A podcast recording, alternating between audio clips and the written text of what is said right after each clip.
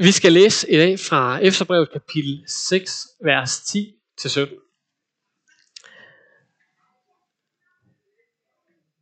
I øvrigt, vær stærke i Herren og i hans mægtige styrke. I fører jer Guds fulde rustning, så I kan holde stand mod djævelens sniløb. Til for os står kampen ikke mod kød og blod, men mod myndigheder og magter, mod verdens hersker i dette mørke, mod ondskabens åndemagter i himmelrummet. Tag derfor Guds fulde rustning på, for at I kan stå imod på den onde dag, overvinde alt og bestå. Stå der fast. Spænd sandhed som bælte om lænden, og ifør jer retfærdighed som brynje. Og tage som sko på fødderne villighed til at gå med fredens evangelium.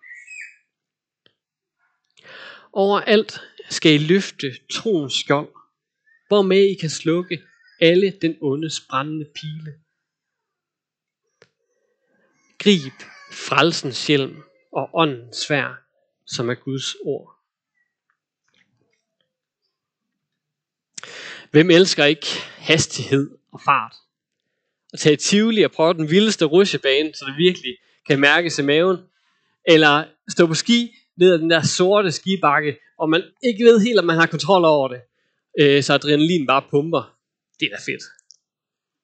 Jeg kan også mærke det nogle gange hos mig selv, sådan i dagligdagen. Og have en dag, hvor at opgaverne bare løses hurtigt i kirken her. Øh, og jeg så bare tager afsted hjem og lyskrydste, rammer grønt hele vejen. Jeg ligner hjem og øh, spiser et stykke grobrød for så skulle videre til et møde om aftenen, øh, som der måske trækker lidt ud, og så komme hjem igen øh, for at lige se en halv times fodboldkamp, og så sove de der 7-8 timer om natten, før at dagen efter så går i gang igen.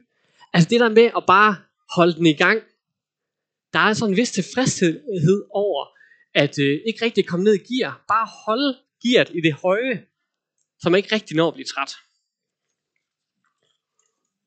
Problemet er også, at når jeg pludselig ikke skal lave noget, så, øh, så bliver jeg restløs. Så overmandes jeg af sådan en flodbølge af tanker. Tanker om den der samtale, man havde, om sagde jeg lige noget dumt der, og så kommer den der samtale til at køre i repeat. Eller tanken om, åh, det kunne også være fedt at have det der ovenlysvindue i soveværelset, og tænke på, hvordan kan det løse sig. Det kan også være mere dystre tanker, som tanker om, hvordan man kunne have udstillet et menneske, som sneg sig foran i Rema 1000, øh, dengang at den nye kø åbnede. Så jeg sørger for at holde mig i gang. Jeg sørger for at blive ved med at søge på ting på Facebook for at finde en brugt vare, som jeg måske kunne have brug for, som også kunne være lidt spændende, øh, og som er lidt billigere end det andet. Eller tjekke nyheder, selvom jeg måske lige har tjekket nyheder for to timer siden, og der nok ikke er sket særlig meget nyt siden. Jeg kører også fingeren ned over min smartphone for at faktisk at finde en spændende artikel, men nogle gange også bare finde det der billede eller et video, som er med til at udfylde tomrummet af ikke at være i gang. Når jeg, er fri, når jeg har fri, så skal jeg lave noget. Sådan har min nabo det også. Vi kan ikke bare sidde stille. Facaden den skal pusses, ukrudt, det skal, slå, øh, det skal øh, rives op, og plænen skal slås, og hækken skal klippes. Der er nok at lave. Og så er der et nyt projekt.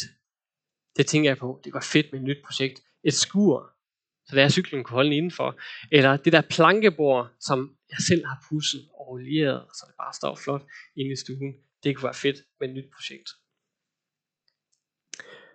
For resten, så er der også alle de andre dage. De der dage, hvor jeg er lidt sent på den. Dage, hvor jeg bare kigger ud af luften, fordi dagen før var helt vildt hektisk. Dage, hvor kærligheden bliver kold, fordi vi stresser ud af døren og bliver sure på hinanden, fordi vi ikke når det til tiden. Dage, hvor jeg bare er træt. Træt af at følge med. Træt af at være effektiv og skynde mig. Træt af at skulle løbe afsted for at kunne følge med min indre takstok.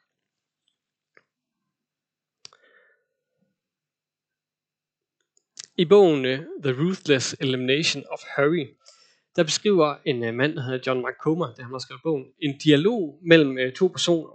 En, der hedder John Ortberg, og så en, der hedder Dallas Willard. Dallas Willard, han er en amerikansk kristen filosof, eller var.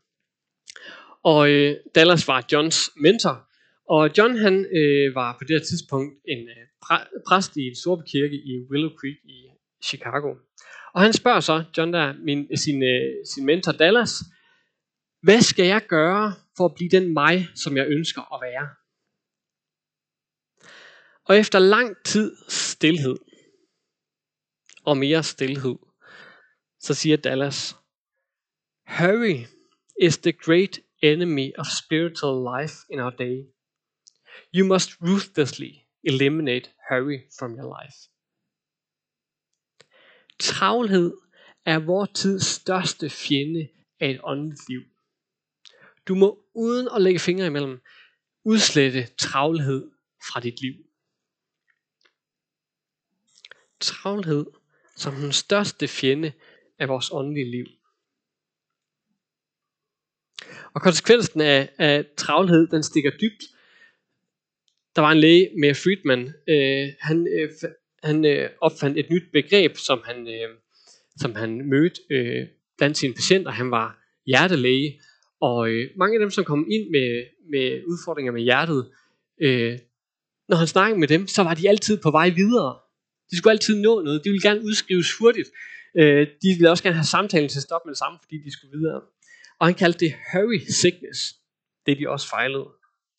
Travlhedssyge. Det kan godt være, at det nogle gange kan føles rart, det der med at være i gang og hele tiden på.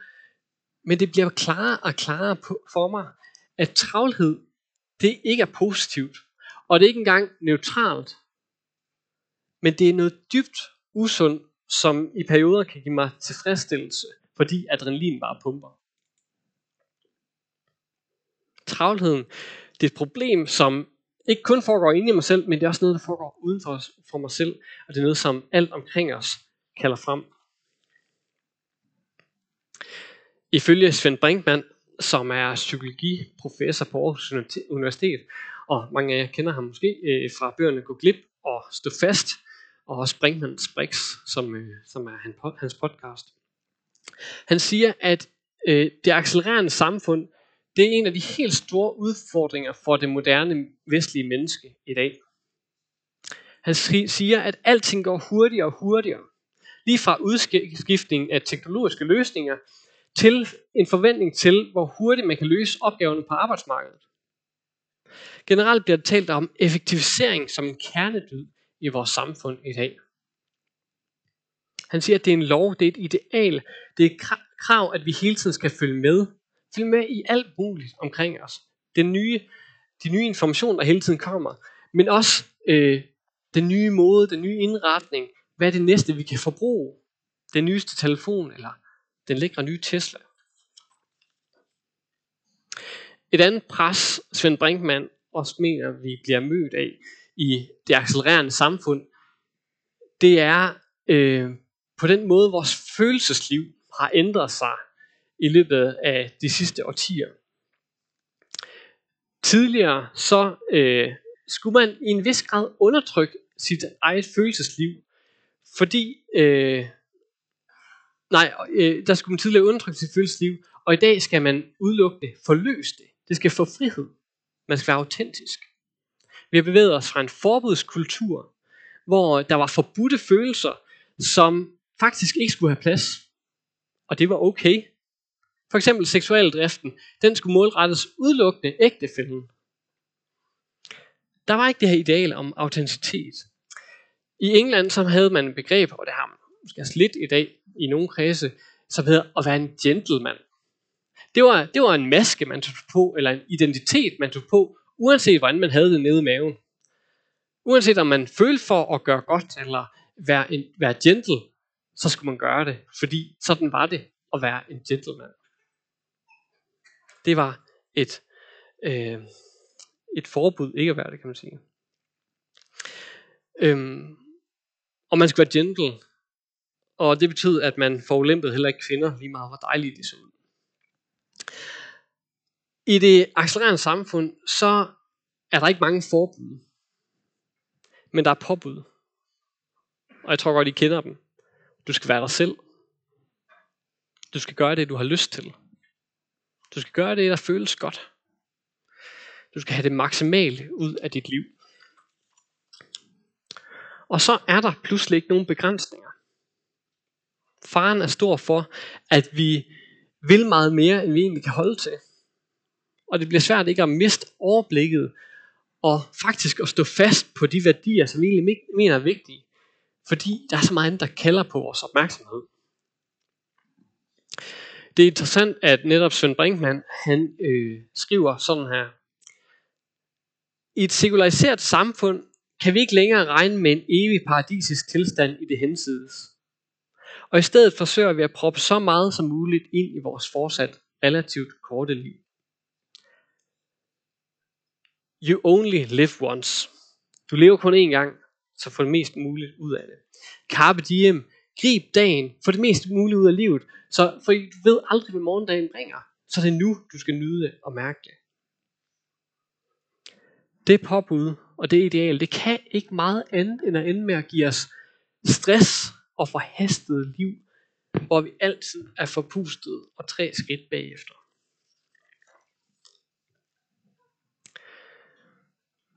Svend Brinkmann kalder også vores samfund for et forbrugersamfund. Og det er ikke kun forbrug af ting, som vi kan tage og føle på. Der er en mand, der hedder Tristan Harris. Han var tidligere design, øh, etiker og produkt, produktfilosof for Google. Det synes jeg lyder som en ret vild titel at have. Øhm, men han sagde, at det blev tydeligt for ham, at øh, tech-giganters etik hviler på et meget spinkelt grundlag. Og derfor sagde han faktisk op øh, for den her stilling hos Google. Han udtaler, at teknologiske platforme i dag bliver designet til intentionelt at distrahere og gøre os afhængige. Fordi det er der pengene er. Der er nogen, der tjener styrtende på, at vi bruger vores tid på sociale eller afhængighedsskabende medier. En undersøgelse lavet af Microsoft øh, siger, at 77% af unge svarer ja på det her spørgsmål. Når der ikke er noget, der har mit opmærksomhed, er det første ting, jeg gør, at række ud efter min telefon. 77% af unge. Og jeg tror faktisk også, det gælder for mange af os andre. Vores restløshed bliver udnyttet til fulde.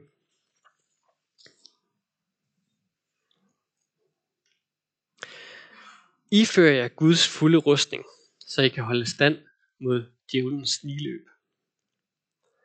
Djævelens sniløb, satans sniløb og travlhed. Hvad er det med hinanden at gøre? John McComber skriver i sin bog, som jeg refererede tidligere, alle mine værste øjeblikke er, når jeg har travlt. Og videre skriver han, kærlighed, glæde, fred er uforenelig med travlhed. Selvfølgelig er der der tidspunkter, hvor at akut handlen er fuldstændig forenlig med kærlighed. Når et barn, der skrives væk fra vejen, fordi det er ved at blive kørt over, eller en, der skal have hjertemassage, eller ukrainer, der skal hentes hjem fra deres øh, hjemland, fordi de er i en krigszone, så er akut handlen og kærlighed dybt forenelig. Men travlheden som den der indre stemme, der er påtrængende og skubber på med, at jeg skal nå fra det ene sted til det andet, eller nå mere end hvad der egentlig er muligt. Den travlhed, den ødelægger fordybelsen, refleksionen. Travlheden, den får mig til at glemme at se min ven i øjnene. Den får mig til at stoppe med at lytte til det, den anden siger. Og den gør, at jeg altid lever foran mig selv. Det tror jeg er en af vores tids måder, at kærligheden, glæden og freden virkelig, virkelig bliver narret fra os. Med travlhed. Prøv at overveje det.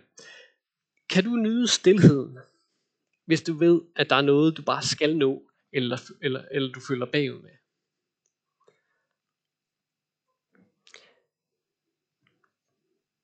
Eller kan du være nærværende? Kan du være til stede i en reel samtale med den, du snakker med, hvis du allerede er på vej videre i dine tanker? Travlheden afbryder vores forbindelse til hinanden, og den afbryder også vores forbindelse til Gud. Kampen står ikke mod kød og blod, men mod magter og myndigheder, siger Paulus. C.S. Lewis han skrev sådan en satirisk bog, der hedder Den hedder Fra djævelens blækhus. Nogle af jer kender den måske. Der er en senior dæmon, som hedder, øh, nej, jeg kan ikke huske, hvad han hedder, men han siger, at djævelens herredømme, det er et støjens rige. Altså det larmer i, i, i satans rige. Og han ser det som sit største formål at forvandle hele universet til larm. En støjende masse. Et støjhelvede på jorden. Travlhed, det støjer. Den værste støj, det er den indre. Det næste, der skal gøres, det næste restløshed, der skal fyldes ud. Kan du genkende den her kamp? Kamp mod støjen, kamp mod travlheden.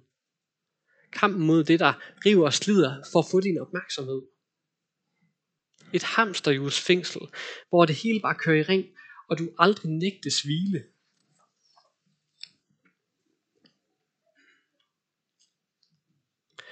Hvis man skulle sammenfatte det, som Paulus øh, nævner i dag som Guds fulde rustning, så kunne det være som alt det, der hører Gud til, eller Guds rige til. Altså retfærdighed, sandhed, fredens evangelium, troen, frelsen, åndens vejledning. Det tager tid at tage en rustning på. Det tager tid at lære Guds rige at kende. Det kræver ro. Og opøve sig i at spænde sandhed om billedet, det tager tid. Det lærer man ikke bare over natten. Det kræver langsomlighed og vedvarende tilbagevenden til Guds ord. Vedvarende tilbagevenden til Guds hjerte i bøn til ham. Da Jesus kom til jorden, der sagde han, Guds rige er kommet nær. Når jeg er travlt, så føles det som om, at jeg er to skridt foran min krop hele tiden. Guds rige er kommet nær. Han er lige her. Han er ved min side. Han er her i dag sammen med os. Han er her med os. Men er vi her? Er jeg tre skridt foran mig selv, så jeg kun lever i en eller anden fremtid, om hvad der sker om lidt, hvad der sker efter gudstjenesten i dag, eller hvordan det ser ud? Eller er jeg her, hvor Gud er, hvor han kan tale til mig, og hvor jeg kan iføre mig hans rustning?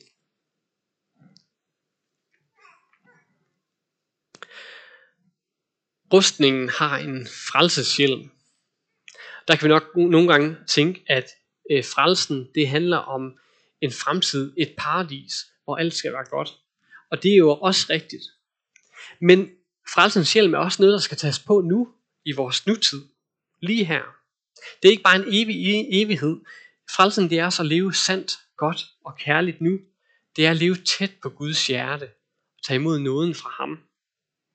I det her liv. Det er også frelse. Men travlheden, den kan hindre os i at nyde den frelse, kvaliteten af frelsen i dag. Vi går glip af noget meget vigtigt, når vi har travlt. Roen, langsomligheden, den giver os mulighed for at tage rustning på. Noget, som kan beskytte os fra alt det, der gør krav på vores opmærksomhed. En rustning værner os fra at hoppe med på den næste bølge. Den giver en base som menneske, hvor vi kan stå fast, som teksten siger. Det vilde det er her, at vi virkelig har brug for en rustning. Og at Paulus siger, jamen den er her. Tag den på. Den skal ikke købes. Man skal ikke kæmpe for den. Man skal bare tage imod den. Man skal tage den. Men man kan ikke tage en rustning på, hvis man ikke ved, hvad man gør, eller ikke har tid til at gøre det. John McComber giver i sin øh, bog fire måder at modvirke den her samfundsacceleration, og til at modvirke den her indre travlhed og uro. Man kan også sige, at det er fire praksiser, som kan øve os i at være løbende i kontakt med Gud og hans rige. Fire redskaber, som hjælper os til at give plads til at tage Guds rustning på og lade os forme af den rustning. Den første praksis, det er hviledagen. Jesus siger et sted, sabbaten er til for menneskets skyld, og ikke mennesket for sabbaten. Jeg har lang tid tænkt, jamen okay, fint nok, det er nuanceret her i det gamle men det var anderledes, men nu bliver det nuanceret, og nu skal vi ikke holde sabbaten på samme måde. Jeg kan ja, finde en aften, hvile lidt ud, eller hvordan det ser ud. Øhm, men så øh, læste jeg et sted, at Jesus han sagde det her til mennesker, og det vidste jeg måske egentlig godt, men han sagde det her til mennesker, som var fuldt klar over, øh, hvad det er, hviledagen egentlig har betydning, at den er vigtig. Men han sagde det til nogen, så, som havde gjort hviledagen til endnu vigtigere end livet selv. Nogen havde gjort det til en hård, kynisk lov, som der egentlig bare havde gjort det til mindre hvile. Fordi man skulle begrænse, man skulle passe på, at man ikke faldt øh, hvad hedder det, over en eller anden lov, som man skulle gøre eller ikke gøre, ikke måtte gøre. Øh, så det bliver sådan en, en, en hårdhed. Men sabbaten er til for mennesket til Jesus. Det er til at tjene og hjælpe os. Det, er for vores skyld. Men i vores tid, der har vi næsten glemt hviledagen. Der har vi måske brug for at høre det andet. Det er godt at holde hviledag. Vi trænger til den. Du ved bare den er en dag i ugen, hvor vi begrænser os ikke til at ordne, og ikke til at planlægge, men bare hvile. To pejlmærker for en god hviledag, det kan være øh, øh, ja, hvile eller lovprisning. Hvile eller lovprisning. Det jeg gør på hviledagen, er det hvile eller er det lovprisning?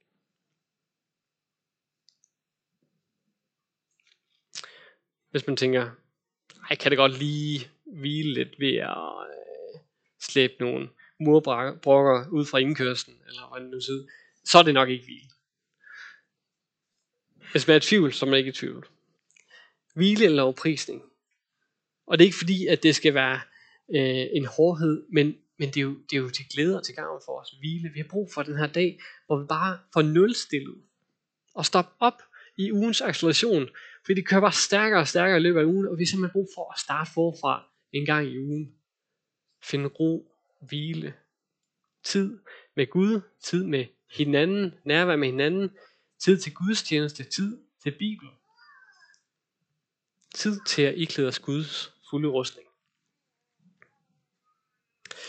En anden praksis, det er alene tid og bøn. Jesus, han søgte Gud i bøn.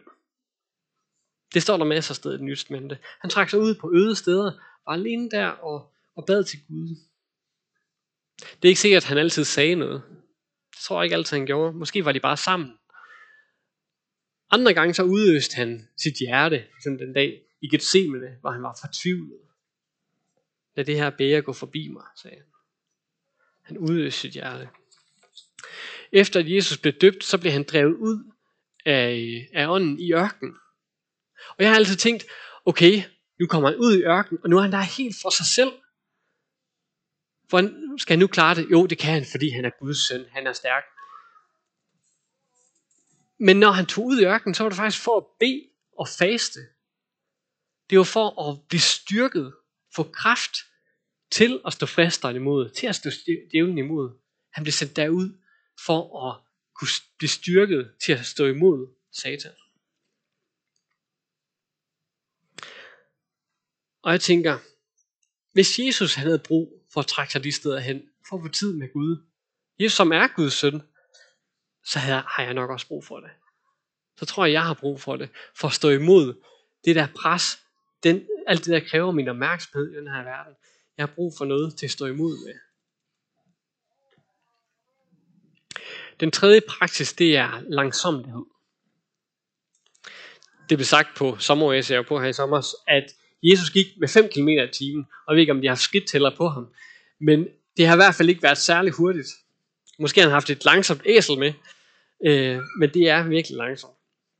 Jeg hørte på et tidspunkt en historie om øh, nogle, et sydamerikansk stammefolk, hvor der var nogle øh, turister, som tog ned øh, til dem for at ja, få sådan en øh, tur ud i junglen med dem. Men på et tidspunkt, da de, de var afsted på turen, så øh, stopper det her, de her indfødte op og siger, nu kan vi altså ikke gå videre, vi må stoppe op og, og hvile. Øhm, og så siger turisten, ej, kan vi kan godt fortsætte lidt videre, eller vi er nødt til at, at køre lidt på, og vi skal også nå det, og vi kan godt give lidt mere for det. Men stammefolkene sagde, nej, vi vil ikke. Og så sagde de, vi venter på, at vores sjæle skal indhente vores kroppe. Det kræver øvelse at sætte hastigheden ned. Vi udelukker os selv fra at være i vedvarende konstant bønd med Gud og være nærværende over for andre, hvis vi hele tiden er foran os selv. Vi må øve os i langsomligheden. For eksempel det der med at gå langsomt. Hvor mange er ikke øh, lidt hurtige, når man, er, man skal gå fra bilen og så ind til, til supermarkedet for at handle ind. Og, altså meget tid sparer man egentlig lige på det, men det der med at være i gang. Og jeg tror, vi har bare brug for at, at, at få, få kroppen med, fordi det påvirker sindet, hvor hurtigt jeg går. Hvis jeg går lidt langsomt med min krop, kan det også være, at mit hoved begynder at, at, at blive lidt langsommere. Og det tror jeg godt til os. En øvelse det kan også være at øh, tage den langsomme kørebane i trafikken. Lige komme bag en lastbil. Jamen så kan man ikke, så kan man ikke komme hurtigere en sted end det. Og øh, så kan man nå at måske kigge lidt ud af vinduet, eller bede en bøn til Gud. Eller overholde fartgrænsen. Det er også et godt tip. Et tip det kan også være at prøve at komme 10 minutter før til et møde, som man har planlagt. Jeg har også nogle gange kommet for sent, det er ikke det, det handler om. Men øh, det er en nævelse for mig, det her med at tage, komme 10 minutter før. Fordi jamen, så har jeg faktisk tid til noget af det, jeg værdsætter. Det er at have tid til min nabo. Lige stoppe op og snakke med ham. Det kan også være, at Gud har noget på hjertet til ham, som jeg kan blive opmærksom på, fordi jeg er der i mødet med min nabo. Langsomligheden åbner op for, at jeg kan være lige der, hvor Gud er, og der, hvor mennesker er. Den sidste øvelse, det er enkelhed. Et enkelt liv. Det er også øvelsen i at stille sig tilfreds. Og stoppe op. Nu når man allerede kører der i inderbanen på, på motorvejen bag ved lastbilen, så kan man lige stoppe op og tænke, jamen, kan jeg godt være tilfreds med det liv, jeg har nu? Tilfredsheden, den kommer nemlig ikke bare af sig selv. Der er hele tiden noget, der presser på for at stille, øh, stille vores tilfredshed. Eller for at give os den, det, det nye, vi går efter. Forbrugersamfundet kalder hele tiden på at overveje det nye, det næste og det bedste. Der står i Hebræerbrevet kapitel 13, vers 5. Lad ikke kærligheden til penge bestemme jeres adfærd, men stille jer tilfreds med det, I har. Hvad har jeg egentlig mere brug for? Og hvad nu, hvis det ikke hænger sådan sammen, at jo mere jeg ejer, jo lykkeligere bliver jeg? Men jo mere bliver jeg bare opslugt og optaget af det, jeg ejer. Det er nemmere at miste det, der virkelig betyder noget, hvis jeg bliver opslugt af det, jeg ejer. Nærvær med Gud, nærvær med familie, nærvær med venner. Jesus siger også, hvor din skat er, det er der, hvor dit hjerte er. Ejendel og ejendom, det har så nemt ved at blive vores skat. Det har så nemt ved at binde hjertet. Et liv i enkelhed, det er en øvelse i at, i at slippe det, der har så nemt ved at blive vores skat, for at gøre plads til en langt større skat. En konkret måde at øve sig i enkelhed, jamen det er jo også banalt, men, men stiller vi nogle gange de her spørgsmål til os selv, jamen har jeg brug for det her? Har jeg brug for det her? Er det nødvendigt? Og et andet spørgsmål, det kan være, hvis jeg køber det her, hvad kommer det egentlig til at koste mere for mig, end bare mine penge? Hvad kommer det til at koste af min tid? Tid, jeg skal bruge på det? Tid til vedligehold? Tid til bekymring? Et enkelt liv, det er et lettere liv, med mindre travlhed, med færre bekymringer, og med mere tid og ro til at iklæde sig Guds fulde rustning. Vi har brug for at stoppe op, så vi ikke bliver sniløbet af travlheden.